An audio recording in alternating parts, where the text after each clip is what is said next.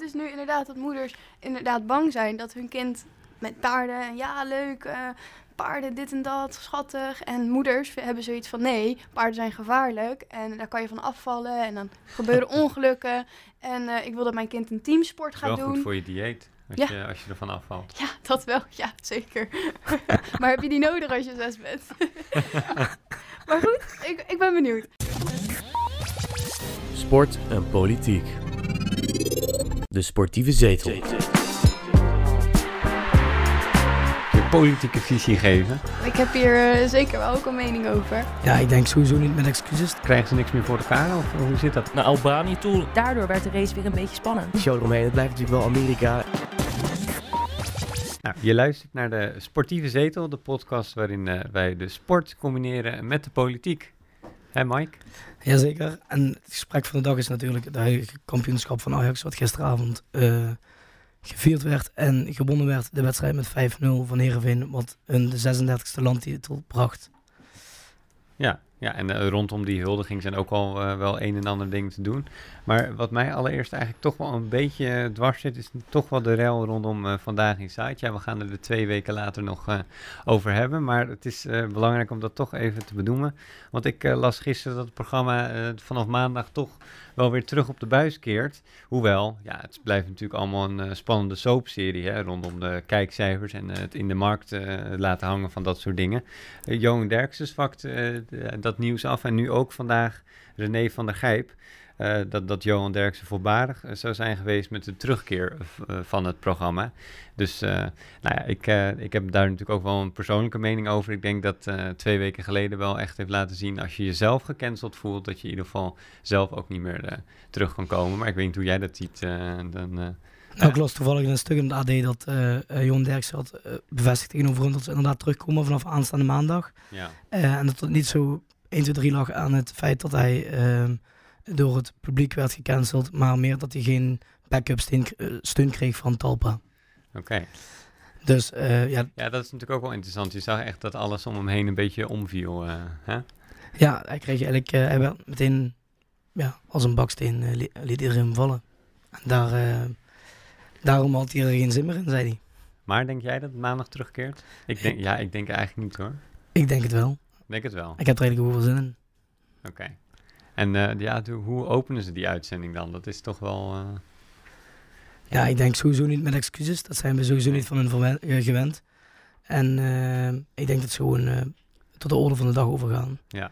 En het incident weer achter zich laten, zoals de vele incidenten die zijn geweest de afgelopen Ja. jaren. Nou ja, dat is, ze komen weer terug en dan eh, wordt SBS toch weer een eh, relevante zender. Want dat was de afgelopen twee weken niet, eh, denk ik zo. Maar jij had iets over de huldiging van Ajax. Ja, gisteren is Ajax natuurlijk kampioen geworden. door, zoals ik al zei, Heerenveen met 5-0 te verslaan. Van tevoren werd natuurlijk gezegd door de burgemeester Femke Halsema van Amsterdam... dat er geen grote huldiging zou zijn op het Museumplein. Wegens tekort aan beveiligers, om alles in goede banen te leiden. Ja. Ehm, ja, je had misschien in mijn ogen toch wel beter kunnen, iets kunnen organiseren. Want zoals je gisteren alweer de beelden zag, eh, was het toch wel weer een ongeorganiseerde bende. Georganiseerde bende, ook Ja. bij het stadion. Ook bij het stadion. Ja, en eh, de, de, voor dit item is speciaal ook aangeschoven onze politiek eh, redacteur eh, Veronique. Hallo. Ja, jij komt eh, regelmatig in deze podcast ook, eh, ook je politieke visie geven. Ik heb hier eh, zeker wel ook een mening over. Aangezien het. Ja, er werd natuurlijk gezegd dat de huldiging niet eh, door mocht gaan op de plek waar dat normaal altijd wel gaat. Ja, Want de, ehm, de burgemeester van Amsterdam, Femke Halsema, heeft dat eh, bekendgemaakt. Omdat er te weinig beveiliging was. Wat vonden jullie daarvan? ja. Femke Halsema, Mike. Welke woorden komen dan bij je op? Nou, vooral eh, boze Amsterdammers, denk ik. Ja, Eh, ja. Niet alleen om- rondom het voetbal, maar ook eh, wat ze twee weken geleden heeft gedaan met, eh, met, met de terrassen. Eh, op, een of, op de een of andere dag wordt het, worden de terrassen van corona, wat best groot zijn, moeten worden ingeperkt. Omdat er ook ruimte moet komen voor fietsers. Nou, volgens mij hebben fietsers in Amsterdam ruimte genoeg. Le- lees je veel de Telegraaf?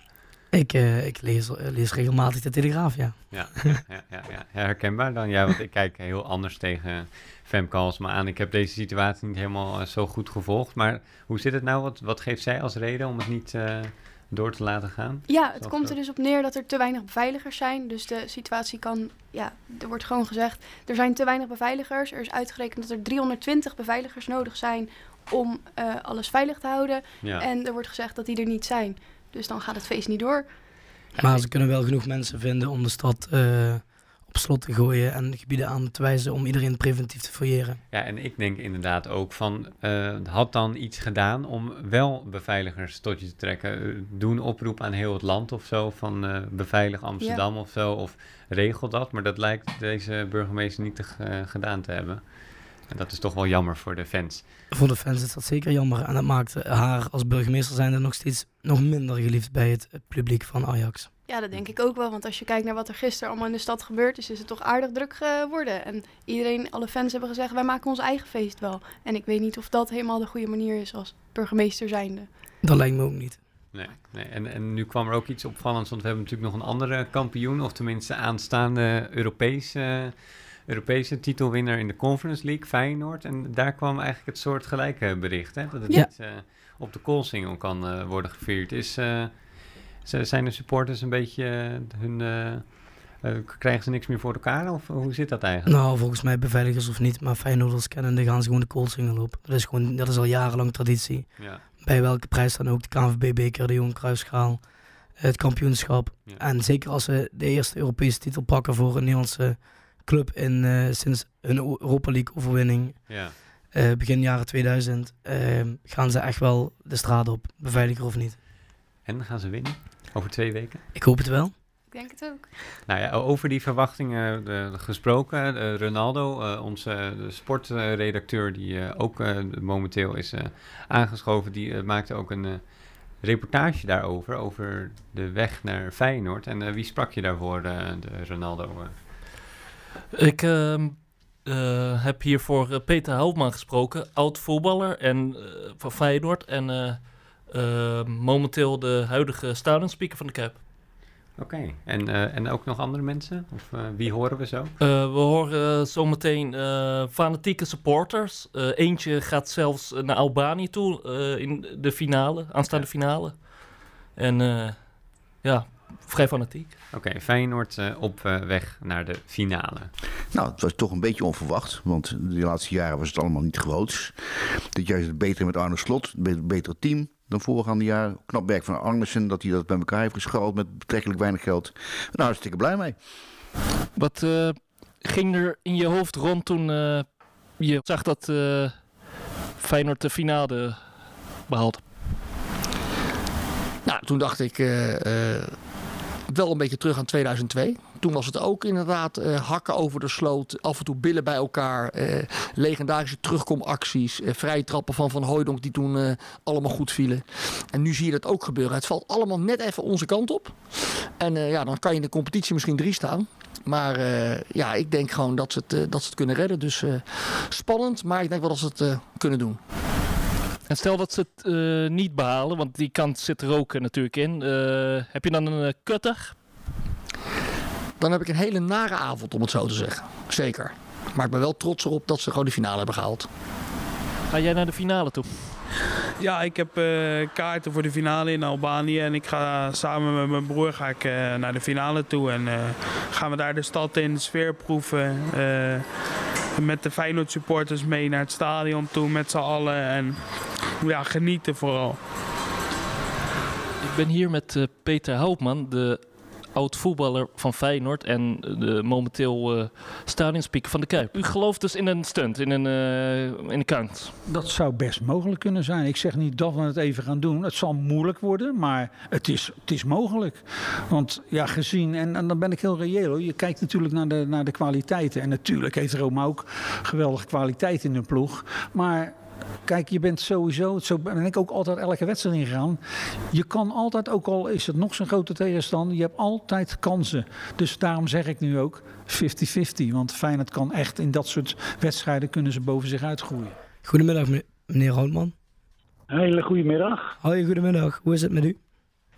Ja, prima joh. Altijd bezig, maar dat geeft niet. Lekker actief blijven. Heeft u, eh, kijkt u al een beetje uit naar de finale? Ja, absoluut. Ja, wie niet? Zeker hier in eh, de hele grote omgeving. Het is, eh, het is bijna het gesprek van de dag, ja. En, en, en hoe is het dan voor u al als eh, jarenlang de stadionspeaker van Feyenoord dat ze weer richting een, een, een prijs gaan? Richting de prijzen zeg het goed. Want het, zou, het zou lekker zijn als we inderdaad ja, de, de halve finale eerst gehaald en nou de finale. En dan wil je het ook afmaken. Hè? Dan, dan, wil je het, dan wil je met die grote prijzen in de handen staan. Het is een nieuw groot Europees toernooi. Dus eh, ja, het zou wel leuk zijn. Want ja, Feyenoord is ook weer de eerste die in die finale staat. En dan is het helemaal mooi natuurlijk wanneer je die finale kan gaan winnen. Maar het zal een hele, het zal een hele job worden. F- Feyenoord komt wel in de finale Mourinho tegen. En Mourinho Ja. heeft eh, in het verleden hoop eh, v- narigheid gezorgd. Bijvoorbeeld eh Ajax Manchester United. U maakt Ja. zich daar niet eh, zorgen over? Nou, nou, god, joh, het moet toch allemaal eh, om, om de wedstrijd zelf gaan. En, eh, hij heeft al die, die naam, hè, de special one. en eh, dat is hij op sommige gebieden ook wel natuurlijk. Maar eh, nee joh, ze moeten het lekker in het veld uit eh, vechten. En natuurlijk, er zijn altijd een heleboel, zeker om eh, als iets in de belangstelling staat zoals dit voetbal. Ja, dan zijn er altijd eh, een heleboel dingen eromheen gaand bezig. En dat wordt ook vaak in het licht getrokken. En dan, eh, dan krijg je dat soort eh, toestanden. Ja, laat, eh, laat Mourinho maar lekker gek doen. Als zolang Feyenoord de prijs maar pakt aan aan het einde van de rit. Zo dan, zijn, is dat. dan zijn we blij. Ja. Eh, even terug te komen op de supporters. Eh, u zei al dat er duizenden mensen het liefst naar Tirana afreizen om de wedstrijd eh, live bij te wonen. Nu kwam Ja. vanochtend de bericht naar buiten dat er op vier grote schermen in de Kuip ehm, de supporters de wedstrijd live kunnen volgen. Heeft, Ja, u, daar als, eh, eh, ja. heeft u daar als stadionspeaker ook nog een aparte rol in? Nou, daar hebben ze me al voor gevraagd, inderdaad. Maar omdat ik ook nog niet weet, en dat krijg ik allemaal nog te horen, of ik naar Tirana moet. Want ja, je kan je moeilijk in die twee eh, delen splitsen. Dus eh het zij in het stadion of in Tirana zelf. Ja. Dus eh, ja, ik ben met zoveel. Je hebt met, met zo'n wedstrijd heb je zoveel zaken om je heen. Wat speelt. Ik word de hele dag gek gebeld. Eh, er is zelfs een eh, speciaal eh, finale biertje gemaakt. in het rood-wit. Sterker Ja. door strijd. En ja, mijn zoon is een van de winkeleigenaars die dat biertje... Ja, dat is helemaal gekkenhuis. Dat is echt een eh verzamel-item. En dat gaat als een uh, tierenlier. Best wel leuk om dat allemaal van dichtbij mee te maken. Ja, ik, ik, ik zelf ben ook eh, Feyenoord-fan en daar maak ik in deze studio denk ik eh, niet per se eh, vrienden mee. Maar het is toch wel, ik ben een beetje een fan op afstand hoor, maar ik weet niet hoe dat voor u is om dat als persoon weer een beetje te ervaren dat we eindelijk weer een prijs pakken. Want dat is toch wel een, ja, een, zeldzaam iets voor de, voor de Rotterdammers. Ja, nee, natuurlijk. Het, het, is, het is alweer veel te lang geleden, 20 jaar geleden. Dat was tegen Dortmund in de, in de eigen kuip toen.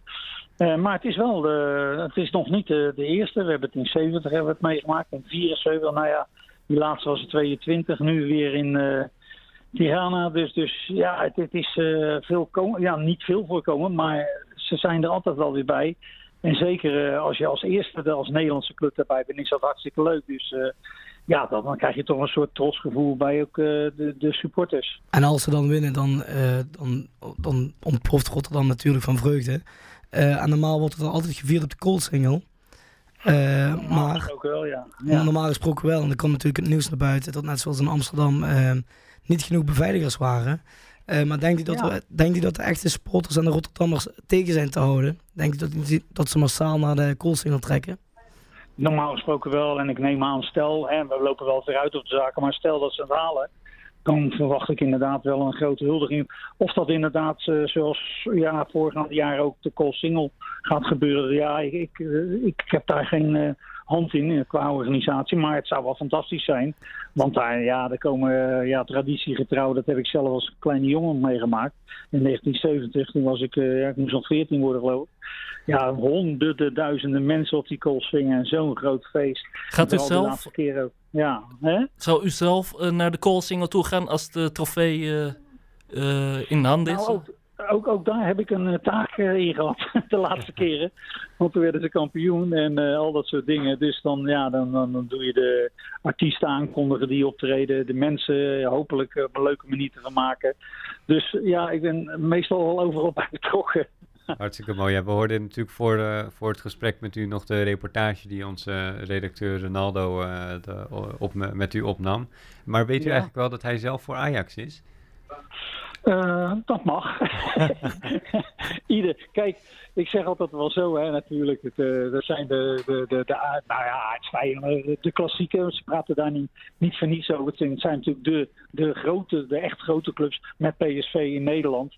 En die, eh, ja, die concurreren met elkaar natuurlijk. Maar eh, ach joh, dat hoort erbij. En eh, ik vind knokken tegen elkaar op het veld dan hè, op een goede manier.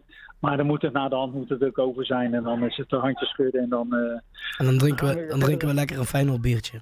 bij wijze van spreken, ja, ik ben zelf een biering, maar dit, eh, dit is ook wel weer leuk, ja. Ik, ik heb er toevallig eentje voor me staan hier, want ja, ik ben toevallig in de zaak van mijn zoon. Het voorprogramma, En, eh, ja. Ja, die, die, die heb ze hier te koop, finale hier, geweldig. Als Feyenoord eh, de Conference League weet te winnen, zou dan eh, een bloemetje opgestuurd moeten worden naar Edwin van der Sar? Oh, dat, ik hoorde zoiets, want die heeft eh, het initiatief geloof ik destijds genomen, hè, om, eh, Ja. om tot een nieuw toernooi te komen. Correct. Nou, ik ken Ed natuurlijk ook al, want ik heb geloof ik nog zelfs tegen hem gespeeld. Ja, ook nog. Dus wat dat betreft, eh, nee, dat, eh, dat, dat zou er misschien ook wel verdienen, ja. Want het is er toch van gekomen dus. Nou, dat is goed. In ieder geval eh, bedankt nog eh, de- voor die enthousiasme en toelichting. En eh, in ieder Ja. geval vanuit mij eh, heel veel succes en we gaan winnen. Dankjewel. Nou, kijk eens aan. Dat is goed om te horen. En nou, eh, nu de praktijk, hè. Laten we hopen dat het eh, gaat lukken. We gaan er allemaal voor. Ja, bedankt. Ja, Ronaldo. Je bent toch wel voor Feyenoord. Kom op. Ehm, ik ben geen anti-Feyenoord. Eh, Europese wedstrijden sta ik altijd eh, achter de Nederlandse clubs. Nou, Dus, kom op, dan mag wel wat enthousiast worden. Ja, Als wij eenmaal dadelijk die finale spelen in Tirana, dan mag heel Nederland de Feyenoordse vlag uithangen. precies. Ik, eh, En dan ze- zeker ook in, eh, in Amsterdam. ik ben eh, 25 mei voor eh, Feyenoord. 25 mei. Ja, mooi. Iedereen eh, even voor eh, Feyenoord. Eh, dan is het tijd eh, voor de volgende rubriek, de actieve herinnering. En eh, ja, in eh, deze rubriek, wat eh, doen we dan eigenlijk, Mike, eh, de actieve herinnering? Want dan is het namelijk tijd voor eh, eh, dat we wekelijks kijken naar een plek in de sport waar politiek en sport met elkaar botst. En eh, wat mij deze keer eh, opviel, Mike, eh, in deze rubriek bellen we dan soms ook mensen ervoor, maar in dit geval heb ik wel een tip voor de luisteraars. Namelijk een boek van Pepijn Keppel. want die heeft na tien jaar in de topsport bij het hockey een boek geschreven over de LHBTI-acceptatie in de topsport. Ehm, en die schijnt toch niet helemaal eh, nog eh, op orde te zijn. Eigenlijk niet. Eh, zijn boek De Laatste Man is afgelopen april uitgekomen. En wat me daar wel aan inspireert, ik moet het boek zelf nog lezen, is de- dat iemand überhaupt de moeite neemt om dat hele verhaal op te schrijven. Omdat het best wel persoonlijk is dan. En we zien weer wat er te winnen is op dat gebied. Dus Ja, en dat is ook denk ik een, een goed gegeven dat dat gebeurt. Ja. Eh, mooie ontwikkeling. Je ziet het natuurlijk ook eh, nog steeds in het, eh of even terug te komen, het voetbal. Dat is nog altijd heel lastig ook voor spelers om daarmee om te gaan. Je hebt bijvoorbeeld vorig jaar gehad een speler uit Australië. Ja. En dat wordt dan gelijk wereldnieuws. Terwijl dat eigenlijk niet hoeft. Hè? Want iedereen mag en zijn hoe die is. Ja, is dat eigenlijk, eh, helpt dat volgens jou inderdaad dat nieuws naar buiten brengen van, kijk, hij heeft dit gezegd? Of, want hij zegt het natuurlijk zelf en dan is het nieuws. Of, Ja, hij zegt het nieuws, maar dan wordt het door de media wordt het natuurlijk heel erg groot gemaakt. En eh, als iets groot wordt gemaakt in de media, dan gaat het opvallen. Ja. En dan leg je misschien meer de nadruk op dat het een taboe is om, eh, om als LHBT. ja, ja, ik, ik, denk, ja, ik denk ook dan vanuit mezelf ook wel dat dat, eh, dat het zichtbaarheid en een beetje dat acti- activisme altijd nog wel nodig is. Maar ik zie ook wel in de media en ook dat je dan weer leest eh, eh, dat, dat ze er zo dicht bovenop leggen soms. En dat ik denk van ja, dat moet iemand zelf ook helemaal niet fijn vinden. De- hoewel mensen misschien ook weer een rolmodel nodig hebben. Maar ik denk niet echt dat dat op deze manier werkt. Ik denk dat er echt iets in die topsportwereld moet veranderen qua... Nou, laat ik het zo stellen. Als jij eh, in een moeilijke fase zit in je puberteit en jij ziet dat als iemand uit de kast komt, dat dat, wereldnieuws wordt, dan kan ik me voorstellen dat het, als jij het dan buiten brengt, dan denk ik van, oeh ja, misschien moet ik daar even mee wachten, want anders Ja. heb ik, krijg ik iedereen over me heen. Ja, precies. Het kan inderdaad ook een eh, andere kant eh, opwerken. Maar de volgende keer weer een andere eh, actieve herinnering eh, in deze rubriek. Dan gaan we door met de Formule 1. De sportieve zetel. We hebben te gast in de studio eh Annelies van de Zwet. Van de Zwet? Van Zwet. Van Zwet. Bijna. Ja, dan had ik het heel even verkeerd op mijn blaadje staan. Excuus. Ehm, afgelopen weekend is natuurlijk de Formule 1 race eh, gereden in, eh, verreden in Miami. Ja. Ehm, dat was niet alleen een mooie race voor ons Nederlandse supporters omdat Max gewonnen had, maar ook de show eromheen. Ehm, hoe kijken jullie naar het nieuwe circuit? Nou, ik vond het het net niet. Ik vond het het net niet. Ten eerste, ehm, bij Miami denk je gelijk aan ah, nou ja, strand, boulevard, eh, een beetje Miami-vibes. En eh, dit circuit was eigenlijk een beetje weggemoffeld in een eh, circuit.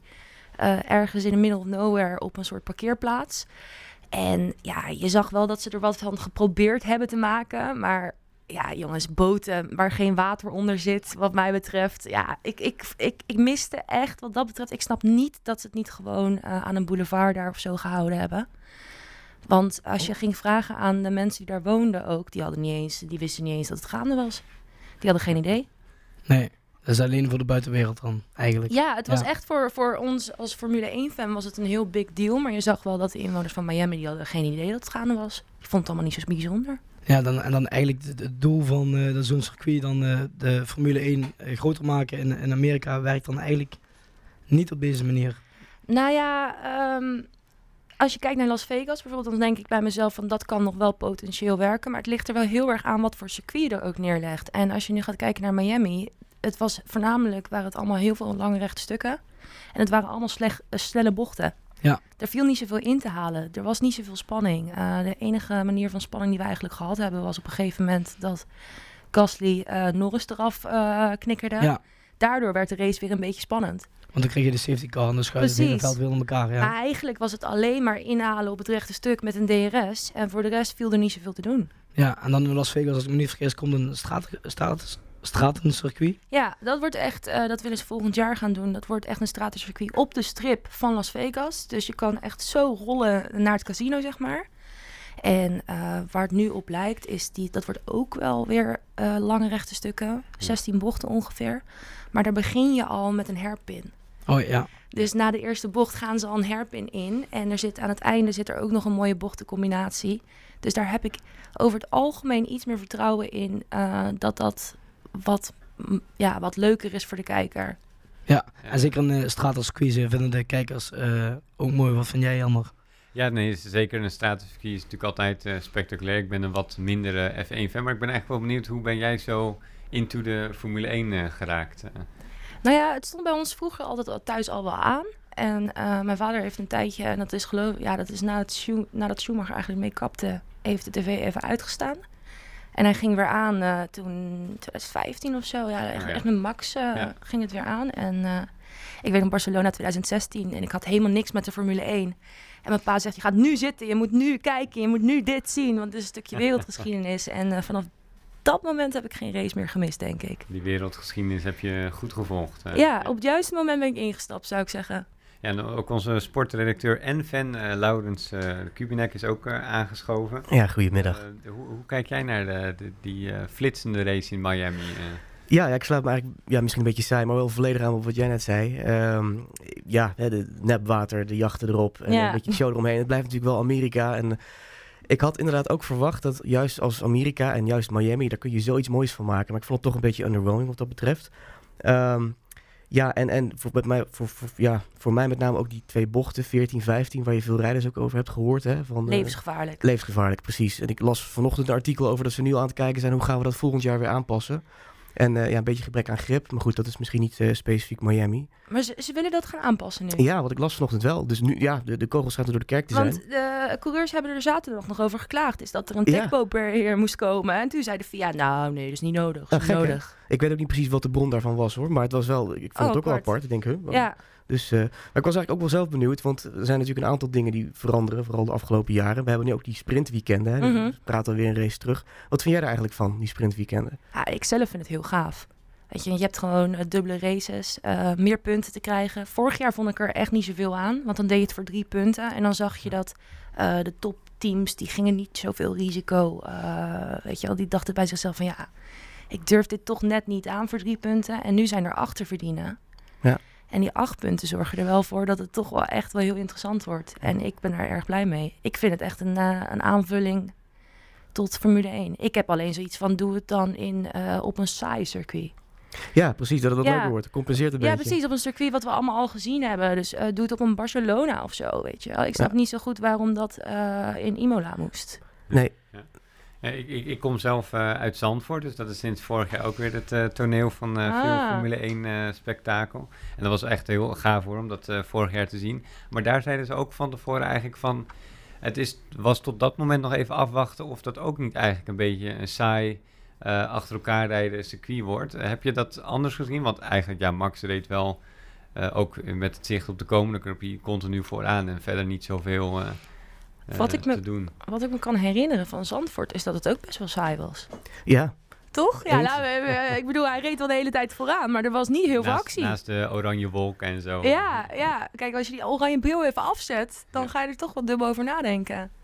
ja wat, wat ik wel, ik weet niet hoe jij erover denkt, maar ik vond wel bij Zandvoort, het maakte echt, eh, het maakte het mooi door de show eromheen. Ja. En de sfeer en de fans. En, en ik- volgens mij hebben we daar als Nederland zijn ook echt wel iets neergezet waarvan andere circuits dachten van, zo, Ja, we moeten ook iets mee doen. Maar inderdaad, qua, ja, het waren eigenlijk gewoon rondjes rijden. Dat was, eh, Ja. Daar komen natuurlijk heel veel circuits bij. Eh, het grote geld eh, begint steeds meer een rol eh, te spelen in verschillende sporten, zo ook de Formule 1. Eh bent u bang dat eh, circuits zoals Spa-Francorchamps of Monza ehm, het op een gegeven moment niet meer kunnen concurreren met een, eh, een circuit in Saoedi-Arabië of in Amerika? Ja nou, het, ligt, het ligt eraan met wat voor circuits ze moeten concurreren, eh, concurreren. Maar als je bijvoorbeeld een Miami eh, nu zou houden en je zou Spa, Francorchamps eruit gooien, dan zou ik wel een traantje laten volgend jaar. Ehm, want wat mij betreft is Spa toch wel een van de circuits waar de meeste actie gebeurt. En wat altijd wel... Nou ja, ze hebben nu Rouge trouwens aangepast, dus nu weet ik het niet meer zeker. Altijd, altijd regen. Maar Altijd ja, weet je, dat is altijd spektakel. Alleen eh, Spa, die had volgens mij vorig jaar al problemen met de financiering. Ja. En dat wordt gewoon niet zo opgehyped. En dat zie je nu ook. Dat is ook de reden bijvoorbeeld dat ik als Nederlander naar de Grand Prix van Spa ga en niet naar de Grand Prix van Zandvoort. Het scheelt je ook gewoon een derde in prijs. Ja. Ja. Dus wat dat betreft, ja, we moeten er wel bang voor zijn. We moeten er echt wel bang voor zijn. Want eh, als er iets meer opgehyped wordt en heel veel geld biedt, zoals bijvoorbeeld in Miami, Of in Las Vegas? of, Ja. of in Las Vegas, maar daar voel ik dan de sfeer nog wel omheen. Daar denk ik nog van, nou oké, dat is nog een leuke toevoeging. Ja. Maar jongens, ja, weet je, gooi Paul Ricard eruit of zo. ja, Ja. die race in het Midden-Oosten in één keer, die eh, grote of- contracten. Ja, Saudi-Arabië inderdaad. eh, Ja. Ja, Dat was ook niet echt... eh, ja daar, hebben we ook, nu- daar kan je natuurlijk ook nog andere discussies over Ja. houden. dus ja, nee, inderdaad, die discussie van de Formule 1... die schuurt altijd best wel met eh, ja, morele de vraagstukken. Mhm, Vind, je dan, vind, je, vind je dan extra lastig om naar die Grand Prix te kijken? Ehm, nee, nou ja, ik, ik ben zelf helemaal niet politiek eh, aangelegd, dus ik hou me daar niet zo mee bezig. Maar wat ik dan wel weer frappant vond, is dat je afgelopen weekend in Miami heb je niemand gehoord over de abortusrechten die daar in Florida zijn afgeschaft. Niemand. Nou ja, misschien Lewis Hamilton een storytje of zo hier en daar. Ja. Maar daar wordt dan weer niks mee gedaan. En dan denk ik bij mezelf, ja, weet je, je moet het wel, als je het doet, dan moet je wel kritisch zijn op alles en overal waar je naartoe gaat. Dus ook in Miami. Ja, en, en denk je eigenlijk dat, eh, dat er nog een moment komt dat eh, coureurs of eh, organisaties... Of blijft dat toch een beetje, ja, we doen het toch maar. Je ziet het ook met het WK in Qatar van het voetbal. Van we blijven toch maar komen, want ja, uiteindelijk gaat het om geld. Ja, dat Ja. denk ik. denk echt de tweede. Nou, jij- maakt ook een, eh, ook een podcast over de Formule 1 eh, sinds kort. Ja, nog niet zo lang, nee. Kun, kun je daar wat over vertellen? Want dat is natuurlijk niet zomaar iets. eh, kijk, we zijn het nu ook aan het doen. Maar ja, het is toevallig ook in deze studio nemen we het ook Oh. op. Oh. Dus het is echt super toeval. Ehm, omgeving. Thuisomgeving. Ja, precies. Elke week doen we dat. En hoe het eigenlijk begonnen is, is Elias en Bram die zaten hier beneden in de kroeg, in de hideout, met een biertje over de Formule 1 te praten. En die hadden zoiets van, joh luister, waarom doen we dit niet gewoon wekelijks? En waarom nemen we het niet op? En dan kijken we wel wat er gebeurt. En eh, nou, toen hebben ze mij erbij gevraagd. En ik ben dan weer een beetje van de... Ja, ik hou er wel van om ongezouten mijn mening te geven. En zij zijn iets meer van de, van de facts en dat soort dingen. en eh, dat doen we nu elke week. En is super gaaf om te doen. Wij vinden het heel erg gaaf. We waren in het begin nog wel bang dat we die 40 minuten niet vol zouden krijgen. Maar dat bleek nog wel andersom juist een probleem te zijn. Want we kunnen hier echt drie uur zitten. Dus daar zijn we erg blij mee. En dan is die eh, podcast ook op een platform te luisteren. Ja, op Spotify als je zoekt naar Studio Downforce, dan kan je de podcast luisteren. En Studio ook, Downforce. Dat Studio klinkt, dat klinkt Downforce. eh, heftig. eh. ja, er waren heel veel namen al bezet. Dus we moesten op een gegeven moment een Oh, beetje creatief oké. zijn. Ja, ja, ja. Ja, ik ben wel creatief. Ja, down for, ja. Eh, wij moeten denk ik eh, door naar de... Wij gaan weer verder naar het volgende item, Wij denk gaan weer verder. En dat is ook een rubriekje. De emotie van de week. En dat is met een eh, E en een streepje en dan motie. En dan van de week. En eh, ja, wat eh, gaan we daar eigenlijk aan doen, eh, Mike? Wat, is de, wat is nou weer de bedoeling van ons hier, hiermee? We moeten de luisteraars een beetje bekendmaken. Hè? Ja, wij hebben natuurlijk een, een, een- de, de podcast De Sportieve Zetel. Dus wij willen ook de link leggen tussen sport en, en politiek. Ja. Nou ja, in de sport komt wel eens emotie bij kijken. Dat zie je niet alleen in het voetbal, dat zie je bij, bij schaken. Overal zie je dat. Bij schaken. Bij, scha- schaken. bij schaken zie je ook wel vaak Eh, emotie. huilende supporters. eh. Eh, vooral oh huilende, shit, schaakmat. vooral huilende, jammer. huilende kinderen. Hè, verdomme. Eh, en emotie dien je natuurlijk in in de Tweede Kamer. En vandaar dat wij de rubriek eh, emotie hebben bedacht. Eh, en hiervoor eh, hebben we in de studio eh, onze verslaggeefster eh Veronique de Vij. Ja, daar ben ik weer. Ja, eh, de emotie van de week komt eh, deze week van mij vandaan. Omdat ik, we hebben het al eerder over gehad, de Telegraaf aan het lezen was. En toen zag ik een, eh, een artikel over dat een moeder haar kind niet op paard rijden wil. Omdat ze niet van paarden houdt. Typisch Nou, telegraaf dit. Ja. Ja, maar ga verder. Ja. Ja. en ik als paardenmeisje, ja, ik vind er natuurlijk wel wat van. Want het gaat er dus om dat moeders niet willen dat hun kind omga eh, zeg maar op paardrijden gaat en met paarden omgaat, omdat ze bijvoorbeeld zelf bang zijn. En ze willen niet dat hun kind besmet wordt met het paardenmeisjesvirus. Paardenmei. Hè? Ben jij met het eh paardenmeisjesvirus besmet, Ja, Veronique? ja, ik ben daar wel, eh, ik, ben- ik heb daar wel last de- Je van. hebt de sympo- symptomen, ja. Ja, zeker, ja. En wat vind je er zelf dan van? nou ja, ik vind het zelf opmerkelijk, omdat ehm, waarom hebben ouders zoveel te zeggen over, over wat hun kind voor sport wil doen? Ja, dat is een goede vraag. Jammer. Ja. Ja, nou ja, ik, ik, eh, zelf heb ik nooit echt heel actief meegedaan in een bepaalde sport. Ik ben nu vooral ook wel eh, voor mezelf eh, daarmee bezig. Kijk, ik hardloop. En ja, mensen hebben denk ik niet over een hardloopvirus, maar over een paar. nou, volgens mij kun je aan een hardlopen aardig verslaafd raken, toch? Ja, ja, nee, dat is, eh, moeten we in de gaten Ja, houden. Misschien, misschien de volgende keer dat ik ineens rennend binnenkom, dan weet je hoe laat het is. Maar even terug te komen op de paarden. Is dat met, eh, eh, hoe, hoe oud was jij bijvoorbeeld toen je begon met paardrijden? Ja, ik was, eh, ik was zes ongeveer. En jouw moeder vond dat prima. Nee, mijn moeder vond dat, eh, ja, nou ja. Dat Die was er toen al bang voor. ja, nou ja, het is dus nu inderdaad dat moeders inderdaad bang zijn dat hun kind met paarden, en ja, leuk, eh, paarden, dit en dat, schattig. En moeders hebben zoiets van, nee, paarden zijn gevaarlijk en daar kan je van afvallen en dan gebeuren ongelukken.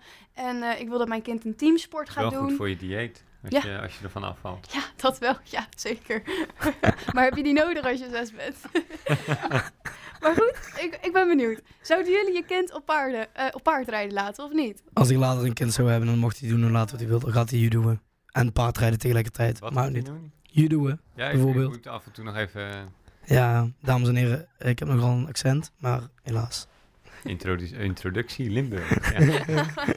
Ik Ja, dus eh Mike, jouw, jouw kind mag paardrijden. Van mij, mag mijn kind, van mij mag mijn kind paardrijden, ja. En bij jou?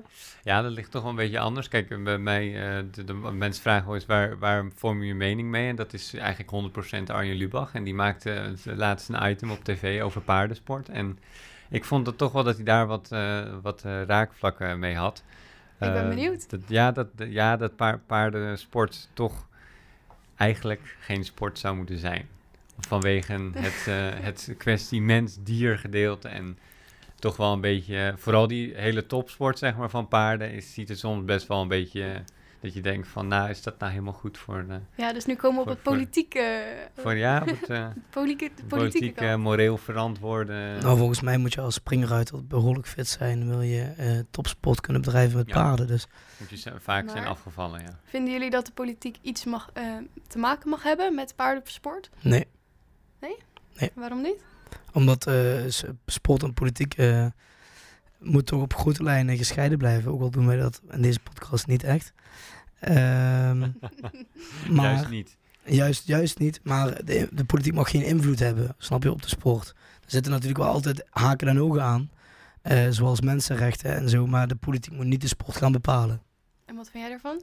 Ja, ik denk dat er naast mensenrechten ook nog zoiets eh, geks is als dierenrechten of zo. Dat je Ja. daar ook wel rekening mee moet houden. En eh, ja, de politiek kan daar kaders aan stellen, maar ik vind bijvoorbeeld niet dat ze het zouden moeten verbieden. Ik denk eh, eh, wel dat zij een soort taak hebben van, oh, let hier even op of let daar even op. Meer gewoon een... Ja, bijvoorbeeld geen wedstrijden rijden boven de 25 graden, want dat is te warm voor de paarden. Ik weet niet hoe dat werkt. Ja, het is ook wel een groeiend probleem hoor. Er zijn steeds meer de, eh, activisten die door de wedstrijden heen lopen. Ik heb dat zelf meegemaakt toen ik eh, op bezoek was bij een paardenwedstrijd. En toen kwamen er activisten en die, reden door, die renden door de wedstrijd. Terwijl het echt een springparcours was van eh 1 meter zoveel.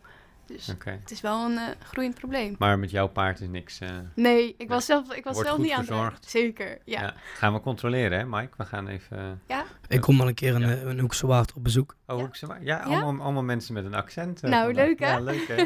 Hartstikke goed. Nou, dan gaan we volgens mij weer, eh, weer snel verder. De sportieve zetel. De Giro is natuurlijk bezig. Ja. Eh, die wordt verreden in Italië. Eh, maar die is natuurlijk eh, gestart in, eh, in Hongarije. De eerste drie etappes waren in het Hongaarse land. Ja. En daarna zijn ze verhuisd naar Sicilië om verder te gaan fietsen daar. Oh, op dat eiland, ja. Op het eiland, bij de end. Nou, daar zijn ze ook gefinished afgelopen maandag, als ik het goed heb.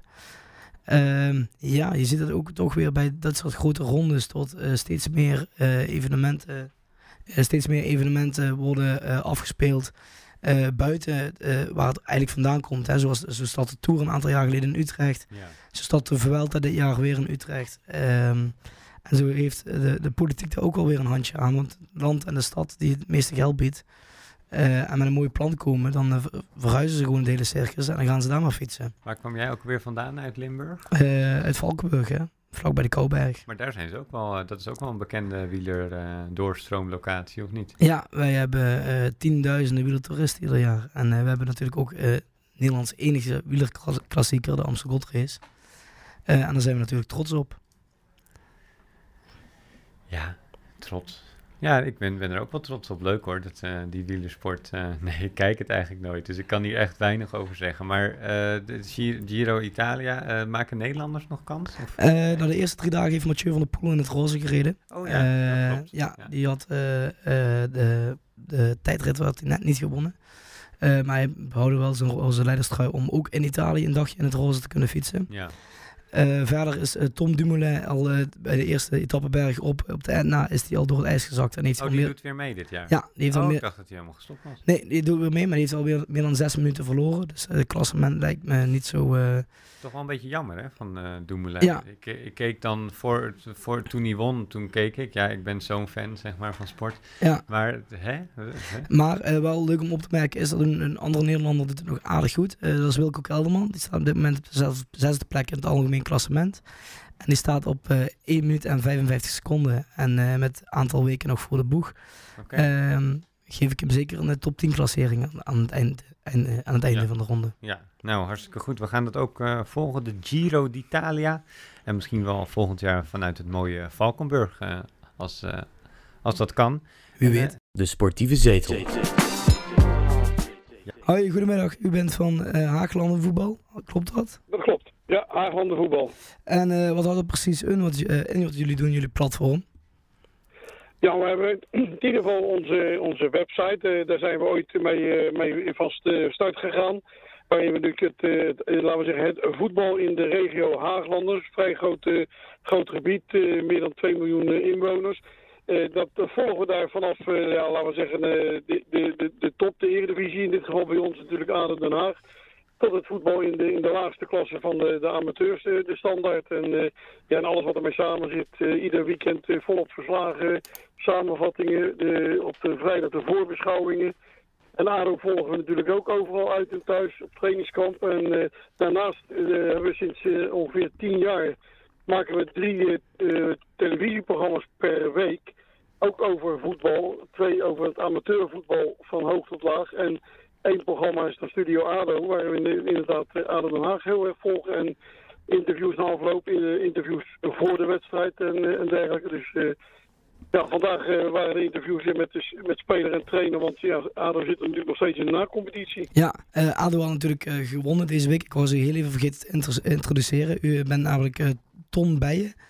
Ehm, deze week heeft Stijn, en, de, ook oud-trainer van, de zoon van oud-trainer Maurice Stijn van ADO Den Haag, natuurlijk gescoord tegen, eh tegen NAC Breda. Dat is niet in heel goede aarde gevallen bij, ehm, bij de supporters van, eh, van NAC. Hoe kijkt u daar tegenaan?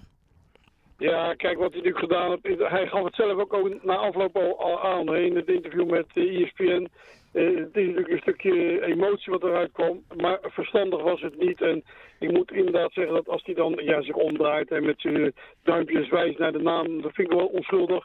Ja, het opsteken van de middelvinger was natuurlijk niet zo verstandig. Dus uh, ja, wat dat betreft uh, alles bij elkaar uh, beter achterwege kunnen laten. Maar ja, het, zat natuurlijk heel erg hoog. Dat, ze vorig jaar natuurlijk, zowel Sam als zijn zus moesten op een gegeven moment het huis uit bij de ouders, omdat ze ergens anders moesten worden ondergebracht in verband met de bedreiging. Dus ja, het zat wel erg, erg diep. En dat is helaas is dat nu deze week weer heeft dat plaatsgevonden. Ja, en dan even terug naar uh, Haaglanden voetbal. Uh, waarom bent u eigenlijk nou precies het platform begonnen? Want die zijn natuurlijk heel groot. 2 miljoen mensen die jullie daarmee kunnen bereiken. drie televisieuitzendingen per week. Ehm, zijn er nog doorgroeimogelijkheden voor het platform? Dat denk ik zeker wel. We zijn op dit moment bezig met de, is de bouw van een totaal nieuwe website. Helemaal weer geüpdate naar alle mogelijkheden die we vandaag aan de dag hebben. En in, het, ja, in ook in het kader daarvan gaan we dadelijk starten met een andere doelgroep. Dat is de, jongste doelgroep, zeg maar. De, van ja, zeg maar 8 tot 18 jaar. Want we gaan beginnen met een voetbalspel op, op onze website. we hebben zelf het de voetbaltoernooi. En dat gaan we natuurlijk ook in het seizoen spelen, maar dan voor de, voor de jeugd, om dat uh, ja, digitaal te gaan, uh, gaan doen. Een beetje zoals het, uh, het FIFA-spel, maar dan ons eigen spel. Dat, dus dat is weer een hele nieuwe doelgroep. En dan, en dan hebben jullie zeker ook jonge mensen nodig die jullie daarbij gaan helpen. Zeker, want wat dat betreft ja, zoek je naar mensen, vooral jongeren, die vooral met ja, social media goed overweg kunnen. We hebben nu ook een student van van de, die, die ook in Utrecht studeert aan de hogeschool. Of uh, de, de school voor de journalistiek. En die vooral op dat, uh, dat gebied erg handig is. Hij is ook onder andere is hij e-sporter geweest bij, bij Sparta. Dus het is wel okay. een jongen die weet waar hij het over heeft. En uh, dus voor hem een hele mooie stageperiode. En voor ons fantastisch om dit op te starten met weer een hele nieuwe doelgroep. Ja, en dan waar kunnen beginnende sportjournalisten zich dan aanmelden om bij Haaklanden voetbal te komen werken of helpen als vrijwilliger? Ja, nou dat kan altijd uh, bij ons op de, via de, de e-mail. Op, de, die staat dus op onze, onze web, website. En uh, dat, dat is heel simpel. Dat is info.haaglandenvoetbal.nl Wat gegevens en wij nemen zeker contact met ze, met ze op. En we hebben toevallig vrij recent ook nog een jongen van de school van de journalistiek uit Utrecht. Die woont dan in, in dus die woont er dichtbij. En die is een week of twee, drie geleden begonnen. En die schrijft nu al wekelijks ook zijn verslagen. En dat is natuurlijk mooi, want we hebben natuurlijk in het verleden echt wat jongens gehad die allemaal zijn doorgestoten naar, uh, ja, of naar Omroep West. Die, die dus uh, ja, een stapje hoger is. We hebben een uh, jongen die bij ons begonnen is, is nu volop in touw bij PSV TV, om een voorbeeld te geven. Dus ja, die doorgroeimogelijkheden ja. zijn ja. Dus is een, uh, het is een hele mooie basis om uh, dan te beginnen bij Haaglanden voetbal en dan eventueel als sportjournalist uh, door te groeien. wij willen u in namens onze podcast heel veel succes wensen met jullie platform. En bedankt voor uw tijd. Ja, om even zo'n inkijkje te krijgen, hè, Mike, in zo'n lokaal sportplatform. Ja, en we ja. zullen de komende tijd ook nog bij andere sporten en platforms even langs gaan om te kijken hoe dat eigenlijk gaat, die verslaggeving over het meest verbindende onderdeel van onze samenleving, namelijk sport. De sportieve zetel. Maar uh, Mike, het is alweer tijd voor de blessuretijd. We weten nooit hoe lang hoe het duurt, maar wil je nog iets kwijt? Ja, uh, gisteren is een mooi moment geweest voor de Oekraïnse nationale ploeg. Uh, ze hebben sinds het uitbreken van de oorlog een eerste oefenwedstrijd weer gespeeld. Deze werd gespeeld tegen Borussia Mönchengladbach, uh, de club uit de Bundesliga, en werd met 2-1 gewonnen. Dit deden ze op voorbereiding van de WK-kwalificatie die er nog zit aan te komen. Oh ja. Die spelen ze eerst tegen, tegen Schotland. Als ze die winnen, maken ze nog kans op een WK-ticket van het najaar. Uh, dan Van der Poel slaagde er gisteren niet in om de, zesde, de vijfde etappe van de Giro te winnen. Hij werd door Arnaud Dumar werd hij geklopt. En ah, is hij zijn We, punt... Weg met zijn roze fiets. Ja, en met zijn punten ik zag dat op Instagram. Dat zeg ik dan wel weer op Instagram voorbij komen. Ja, mijn sportinteresse uh, is zo, uh, zeg maar. Ja, en hij had dan nog naast de roze trui had hij nog de puntentrui voor de sprinters, maar die is hij helaas ook al verloren. Uh, en verder, uh, nou natuurlijk de huldiging van Ajax, daar hebben we het al over gehad. En uh, staat er dit weekend nog de laatste speelronde van de Eredivisie op het programma. Oh ja. En daar, kan nog, dat wordt nog spannend, want er moet nog één ploeg degraderen. Pek Zwolle is gisteravond is altijd gedegradeerd. Ah, wat jammer voor die, eh, voor die toch altijd wel grote club inderdaad. Ja, en eh, ik kijk ook wel uit naar een andere tak van sport komend weekend, namelijk het Songfestival. En eh, ik ben wel ook wel heel benieuwd hoe daar politiek en creatieve cultuur van elkaar gescheiden kan blijven. Hoewel het een lastige situatie is voor Oekraïne, denk ik. wel dat er echt wel mooie liedjes zijn, onder andere Nederland. Denk je dat S10 een kans maakt? Ja hoor. Ja, ik denk, ja, we hebben nu zelfs al S21, dus ja. ja. Ja, je weet het nooit, hè? Uh, nee, goed. En ik kijk natuurlijk uit naar de, de, de Feyenoord, uh, het kampioenschap van Feyenoord van de Conference League. Want dat gaan we gewoon winnen uh, tegen AS Roma. En dan zijn we de volgende keer natuurlijk weer met de sportieve zetel. de podcast van mij, Jelmer Koper en Mike Egge, waar we de relatie tussen sport en politiek bespreken. En natuurlijk onze geliefde redacteuren die aanschuiven, ook bedankt weer voor vandaag, voor hun inbreng. En, Zeker. Uh, nou, ik uh, wens je een heel fijn weekend, Mike. Ik wens je ook een heel fijn weekend. Een, een uh, politiek correct sportweekend, denk ik. Ja, en geniet van het weer. Oké, okay, doeg. Sport en politiek. De sportieve zetel politieke visie geven. Ik heb hier uh, zeker wel ook een mening over. Ja, ik denk sowieso niet met excuses. Krijgen ze niks meer voor elkaar of hoe zit dat? Naar Albanië toe. Daardoor werd de race weer een beetje spannend. Show eromheen, het blijft natuurlijk wel Amerika.